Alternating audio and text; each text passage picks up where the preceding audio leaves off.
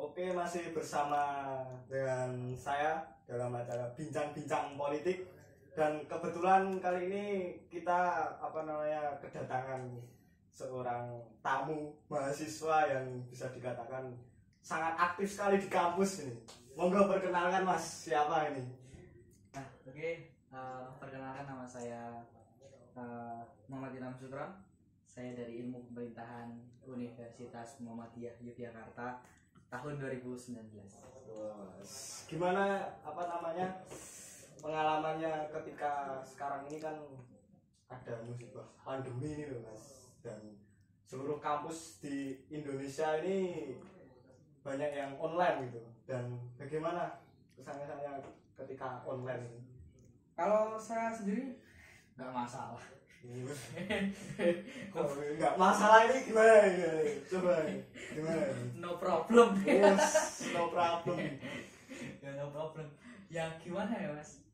Eh, keadaan covid ini kan tidak terduga-duga ya. Iya. Tiba-tiba ada covid gitu. Ah, ah, ah. jadi mau tidak mau ya kita harus uh, transisi transisi dari kan dulu kita offline sekarang jadi online apa apa serba se- serba online. Hmm. jadi uh, kalau saya merasa itu uh, ya itu takdir. Mau bilang lagi ya kita terus tetap online. Yang penting tuh ilmu tetap masuk ke dalam kita. Nah itu sepertinya anu doa dari eh, dulu netizen kan sebelum pemilihan menteri itu ada Hmm, menteri hmm. pendidikan itu. Ya. siapa? Menteri pendidikan? Menteri Pendidikan ini siapa itu? Lupa saya Ah, namanya. saya juga lupa itu. dulu CEO nya Ya, CEO Gojek. nah itu ya itu kan dulu kan sempat dibahas nah besok ini kalau menterinya ini serba online nah, Ini bisa- Nadiem Makarim. Oh, Nadiem Makarim nah itu Nadiem Makarim semuanya serba online Hmm. nah itu terwujud Oh iya. sekarang jadi pendidikan Iya. online ya. Tapi menariknya gini mas, banyak sekali mahasiswa yang ini mayoritas ya, itu mengeluhkan tentang kuliah online. Dan menurut anda perbandingan antara kuliah online dengan offline itu seperti apa? kalau saya ya pasti semua orang umum mesti enak offline lah itu mesti umum kalau orang enak online berarti rada piye online online gitu terus kan ilmunya juga masuknya juga kurang Ah. diri kita atau memori kita enak offline kalau saya sendiri sih tetap perbedaannya ya tetap beda enak offline ini Ah. semua itu ya intinya kita tuh harus tetap menghadapi semua ini kita harus tetap belajar walaupun dalam keadaan apa pun nah, gitu ya teman-teman Oh, siap siap. Oke, sekarang apa namanya kita kembali lagi ke topik pembahasan mengenai bincang-bincang politik. Nah sekarang ini kita akan mengobrolkan tentang perpolitikan di Indonesia nih mas. Dan salah satunya apa namanya yang paling ya menonjol ini. tentang keuangan negara ya soalnya posternya itu tentang keuangan negara Oh iya, anda ini selalu mendahulukan host. ya. Terus kan saya Ya. diundangkan juga membaca pamfletnya Oke. iya. posternya apa materinya tentang keuangan negara Malah kebalik ini nanti kita kadang padahal hostnya saya ini. ya, Oke, kembali materi saya Eh, kembali lagi nih Mas untuk mengenai keuangan di Indonesia ini seperti apa gitu. Ya, kalau untuk keuangan keuangan negara ya Hmm. keuangan negara kalau saya baca di poster itu kan tentang eh, APBN ya Hmm. ada Ya. berhubungan tentang APBN juga Eh, APBN itu apa sih? APBN Se- sebelumnya tentang undang tentang keuangan negara itu telah diatur dalam pasal eh dalam pasal dalam undang-undang Hmm. nomor 17 tahun 2003 2003 ya. Nah, untuk APBN tersendiri itu adalah singkatannya adalah anggaran pendapatan dan belanja negara. Nah, itu untuk eh, itu adalah salah satu rencana keuangan pemerintah pemerintah daerah yang disetujui oleh DPR. Oke. DPR. Nah, itu kalau APBN. Cuman kalau saya di sini saya akan mengambil eh, materi tentang APBD. Hmm. Jadi APBN juga hampir sama dengan APBD. Cuman yang berbeda yaitu APBN itu lingkupnya nasional sedangkan APBD lingkupnya pemerintah daerah. Yaitu bedanya kalau APBD itu APBN disusun disetujui oleh DPR kalau APBD disetujui oleh DPRD yang APBN itu fungsinya itu berguna selama satu tahun satu tahun jadi ini setahun nanti dirembuk-rembuk. Terus ya kita harus ngopo? Dicakai ngopo? Nah ibarat ibu mengenai duit lei satu sewu usah kuliah seminggu. Nah, kayak gitu kan ibaratnya Hmm. seperti itu. Nah, itu APBN itu ibu itu sudah mengatur rencana pengeluaran kita itu untuk kuliah berapa? Nah seperti itu APBN nah seperti itu. Kalau APBD sendiri itu seperti apa? AP kalau ya itu APBD itu kan ya itu tadi sama dengan APBN cuman eh, yang membedakan yaitu nasional sama daerah gitu Nah ini teman-teman semua yang belum tahu mengenai APBN itu apa, APBD itu apa, itu tadi yang sudah dijelaskan oleh Mas Sukron. Jadi kesimpulannya berarti APBN itu dari pemerintah pusat ya mas. nah, APBN Kalau dari APBD itu dari pemerintah Daerah. daerah. Oke, sekarang eh, selanjutnya nih mas, saya mau tanya nih mengenai fungsi dari APBD itu seperti apa sih? fungsi APBD nah itu yang pertama eh, ada eh, fungsi otorisasi. Yang dimaksud adalah itu sebagai eh, anggaran dasar anggaran dasar. Nah itu. Yang kedua ada fungsi perencanaan yaitu sebagai pedoman eh, perencanaan be- eh, perencanaan ketetapan anggaran sebagai pedoman pedoman anggaran di tahun tersebut perencanaan. Yang ketiga ada fungsi pengawasan. Untuk fungsi pengawasan sendiri untuk mengawasi apakah eh, eh, anggaran tersebut sesuai dengan ketetapan ketetapannya ketetapannya ketetapannya. Ketetapan. Eh, ketetapannya. Nah, sesuai nggak apa yang disebutkan di APBN itu buat apa? Sesuai nggak? Harus kita awasi harus kita kawal. Uang itu buat apa bro? Nah selanjutnya adalah fungsi alokasi. Ya itu fungsi alokasi itu ini dialokasikan untuk apa? Yang penting untuk memakmurkan masyarakat. Maksudnya yang ke selanjutnya adalah fungsi distribusi yaitu eh, itu anggaran itu sebagai keadilan. Keadilan sosial bagi seluruh rakyat Indonesia. Indonesia. Keadilan bagi masyarakat. Yang terakhir adalah fungsi stabilisasi sebagai stabilisasi stabilisasi eh, yaitu sebagai stabilisasi lah ini Oke. Ya, ya, ya. Itu tadi teman-teman penjelasan dari Mas Sukron mengenai fungsi APBD itu seperti apa. Kemudian selanjutnya nih Mas mau bertanya juga nih mengenai APBD sendiri itu tuh terdiri dari apa saja sih? Nah, ini untuk uh, perangkat-perangkat APBD atau APBD itu dari, dari apa sih sebenarnya?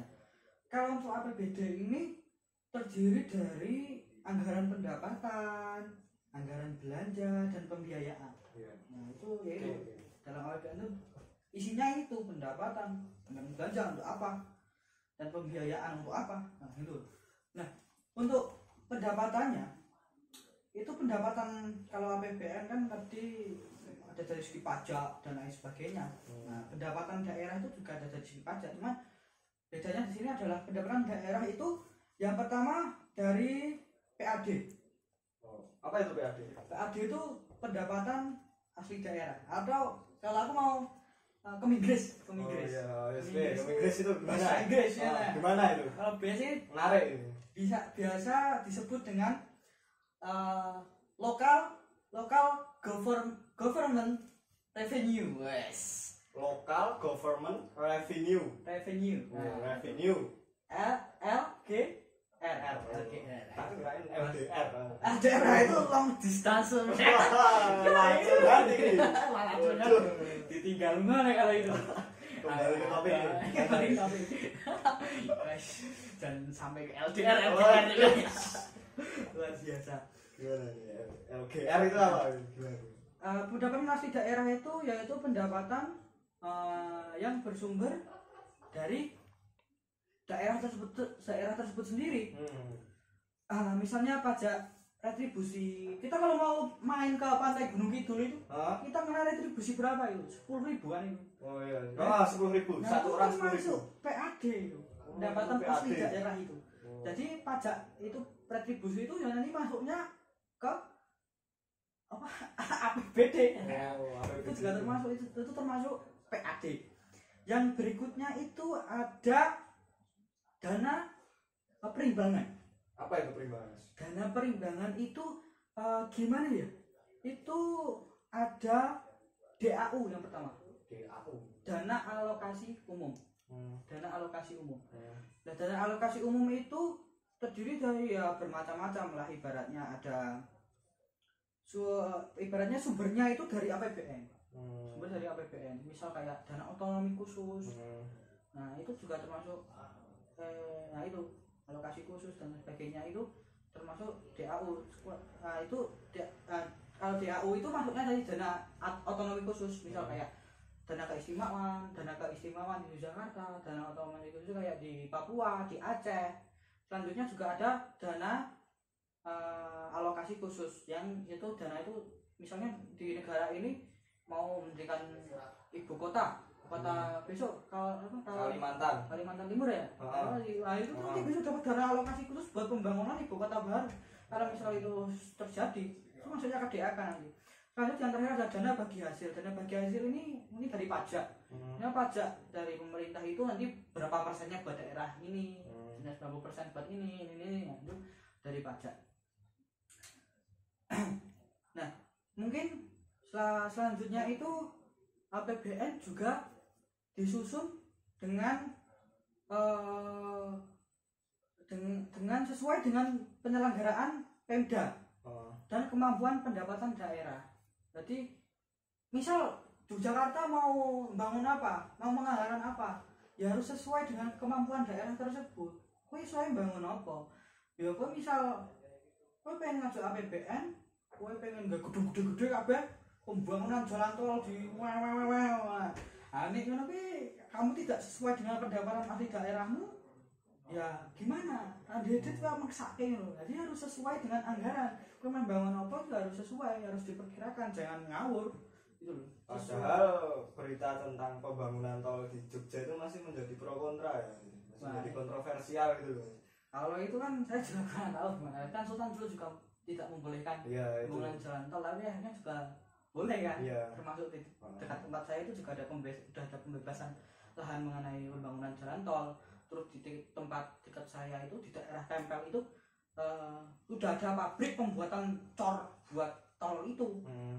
Masih gue gawe tol itu udah mencari besok yang soal kerja ning kono sapa besok gawe itu cor-coran sing arep buat jalan tol udah ada udah siapin Hmm. hanya 9 hektar itu Hmm. yang buat bangun itu kontraknya 9 tahun itu saya rumahnya itu ya itu juga salah satu ya bola itu Oke. Nah. Eh, mungkin eh eh, kayak gitu sih bang tentang Nih terakhir mas, terakhir nih. Ah, mau tanya nih. Jika anggaran defisit ataupun surplus itu gimana sih mas? itu? kalau anggaran defisit pemerintah daerah dan hmm, pemerintah daerah surplus atau defisit itu eh, ya tentunya eh, dalam eh, apa apa sebenarnya itu kalau misal anggaran itu defisit atau surplus ya harus ada perda. Heeh. misal anggaran itu surplus nah itu keluarannya perda. Itu kalau surplus nah itu uangnya mau diapain nanti diatur di perda bang. Kalau defisit itu ya nanti juga perda gimana buat menutup defisit tersebut. Hmm, itu. Oke oke. Nah, pakai uang apa gitu. Jadi seperti itu Hmm, Oke. Oke, itu tadi teman-teman penjelasan dari Mas Sukron ya mengenai eh, keuangan yang ada di Indonesia. Salah satunya membahas tentang APBN, APBD dan ya itu tadilah. Oke, mungkin apa namanya? Itulah apa namanya politik di Indonesia itu seperti itu ya. Mas, ya. bener tenang mas Pokoknya itulah masalah ke politik-politik lain-lain itu ya wis pemerintah dan baleram lah tuh ngasih masuk kronian apa namanya? Ya hobi ndelok bal barang bal-balannya ngasih ora diizinke malah pilkada nih itu tadi iya wes ben wes pemerintah mana tuh ya jelas beraknya tuh rakyat apa apa bro. Wes sing ngade urip penak wes Hmm, los gol wes iranya cerita nang. Pak Losdo ini. oke lah. Kayak gitu tadi bincang-bincang politik kita bersama Mas Sukron ini salah satu mahasiswa UMY MC mata masa ta'aruf IPWMY 2020 loh ini teman-teman semua. Kalau anda tahu silahkan lihat di IG-nya itu. Komap UMY itu Mas Sukron ini MC kondang ini. Oke.